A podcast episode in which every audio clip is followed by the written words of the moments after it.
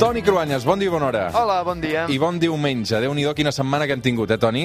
Doncs déu nhi sí. Trapero, pandèmia, mesures que s'aplicaran i el que ha de venir encara, perquè això no remunta. Sí, per cert, molt interessant, eh, l'entrevista d'ahir amb el Rodríguez Zapatero. De, de veritat que val molt la pena sentir una veu com la seva en moments com aquests. Bona entrevista, eh, Roger? Gràcies, gràcies, Toni.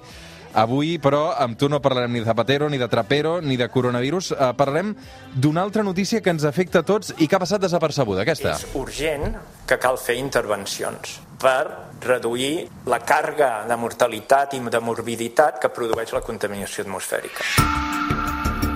Aquesta setmana l'Agència de Salut Pública de Barcelona ha alertat que la contaminació ja provoca 1.000 morts l'any a la ciutat. Sí, alerta, perquè aquestes dades que ara s'han fet públiques diuen que el 33% de nous casos d'asma infantil i un 11% dels de càncer de pulmó van ser per culpa de la pol·lució. Dades preocupants. La contaminació és un problema local, però clar, també és un problema global. Ara, amb el coronavirus, la prioritat sanitària immediata és una altra, eh? això ja, ja ho veiem. Però en un món cada vegada on la gent viu més als grans centres urbans, la contaminació crec que és el gran desafiament. Una contaminació que provoca l'escalfament global i que contamina rius i mars a tot del planeta, entre moltes altres coses. Sí, però mira, avui et proposo que de l'emergència climàtica ja ho deixarem per altres dies, també de les altres contaminacions. En parlem això un dia o uns altres dies, perquè és tan greu que jo crec que convindrà que hi dediquem més programes. Però avui apuntaria només a un tipus de contaminació en concret, que és la pol·lució causada pels cotxes. La densitat del trànsit a Barcelona és la més gran d'Europa i una de les més grans de tot el món, amb 6.000 cotxes per quilòmetre quadrat. Com hem arribat fins aquí, Toni?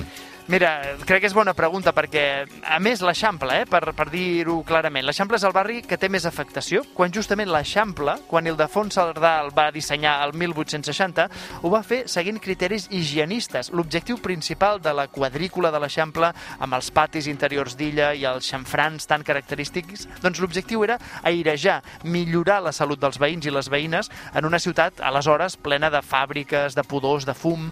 La revolució industrial va convertir Barcelona en la gran ciutat que és avui, però també va ser una ciutat molt bruta, molt desagradable per viure-hi durant pràcticament pràcticament dos segles. La història de la contaminació comença amb la revolució industrial, de fet, no? Sí, perquè abans del segle XVIII podríem dir que el planeta va viure milions d'anys sense contaminar, però amb el descobriment de combustibles com el carbó o el desenvolupament d'invents com la màquina de vapor va canviar completament la nostra manera de viure. La invenció de la locomotora, dels primers trens, va fer que es disparessin les emissions de CO2. I després van venir les fàbriques? Londres, la gran capital de la industrialització primerenca, va ser la que més va patir la contaminació de l'aire justament per això que dius, per les fàbriques. Però el govern britànic i els grans propietaris havien apostat per la industrialització i, per tant, no va en cas a l'increment evident de malalties, de fums desagradables. La ciutat de Londres, en part, és tan extensa avui amb cases baixes i jardins perquè els rics i les classes mitjanes després van anar fugint del centre de la ciutat per salut.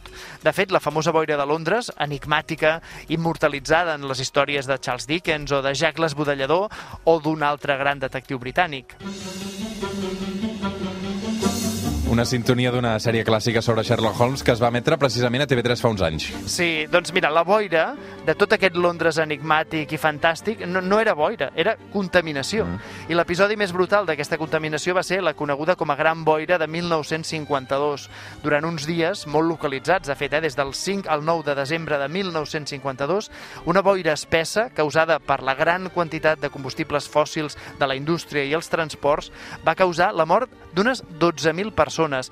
Va deixar 100.000 malalts. El govern del primer ministre Winston Churchill va intentar amagar-ho i no va ser fins uns quants anys després, el 1956, que es va aprovar la llei de l'aire net. És la, la primera i la més important de les lleis modernes al món que defensaven ja llavors el dret de les persones a gaudir de l'aire que respirem amb qualitat. Després seguirien legislacions als Estats Units i altres països industrialitzats. I ara per la nostra salut a Catalunya ja no ens preocupa tant la contaminació de les fàbriques, sinó sobretot els cotxes. Exacte. Tot i això, cal apuntar que en llocs on avui hi ha les principals centres de producció del món, a Xina, a Bangladesh, continua havent-hi problemes gravíssims derivats directament de les fàbriques. Però sí, anem als cotxes. Sobretot el que provoca la principal contaminació, el motor de combustió interna a base de gasolina. De fet, abans d'associar amb aquest soroll a comoditat i rapidesa, ara ens fa pensar sobretot en contaminació, eh? Sí, el cotxe és un invent que té més o menys uns 250 anys, si donem per bo que el primer cotxe era el que funcionava amb vapor i que va inventar el francès Nicolas Joseph Cugnot. Tenia un motor de dos cilindres verticals i 50 litres de desplaçament. Això era l'any 1770. Però si volem parlar del cotxe tal com l'hem conegut nosaltres, hauríem d'anar a l'Alemanya de 1885. L'enginyer Karl Benz eh, va dissenyar un cotxe impulsat per un motor a combustió interna i amb complements elèctrics. En paral·lel, Gottlieb Daimler va dissenyar un model similar, res, uns anys després, el 1889.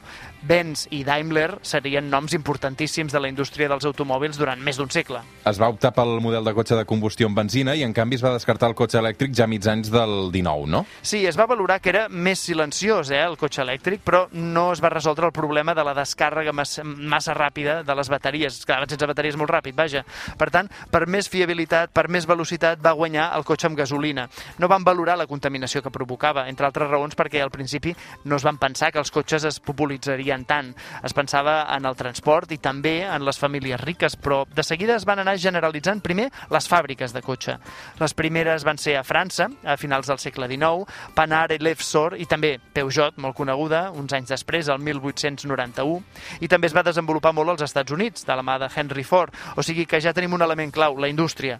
Un altre element clau va ser les polítiques dels governs democràtics del segle XX, que van facilitar que les famílies tinguessin accés als cotxes, van, van formar part dels programes de benestar i potenciació de les classes mitjanes comú tant als països liberals democràtics com també a dictadures feixistes d'Alemanya i d'Itàlia als anys 30 i 40 del segle passat, però també als països de l'òrbita comunista a la segona meitat del segle XX. Home, aquesta cançó ens remunta a un programa mític de Catalunya Ràdio, el Pasta Gansa. De fet, és una cançó que es diu de Reis, la, la cursa, eh? Sí, a veure, les curses de cotxes eh, les hem associat sempre a velocitat, al glamour de la competició. Hi ha uns factors de màrqueting i sobretot també de geopolítica que expliquen per què hem trigat tant a posar-nos seriosament a buscar una alternativa a aquest model de cotxe basat en el petroli i que provoca tanta contaminació. De fet, ha convertit els governs d'Occident en dependents malaltissos de països productors de petroli, especialment Aràbia Saudita, però és que els ciutadans occidentals sí que ens ha convertit en malalts d'una contaminació que és més greu, sincerament, que l'epidèmia de coronavirus és més greu, clarament, a llarg termini. Contamíname,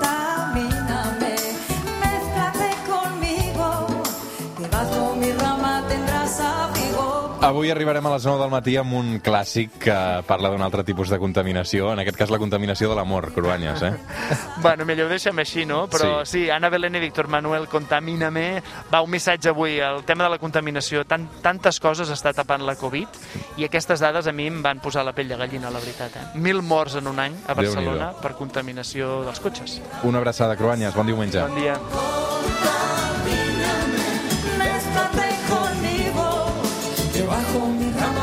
graça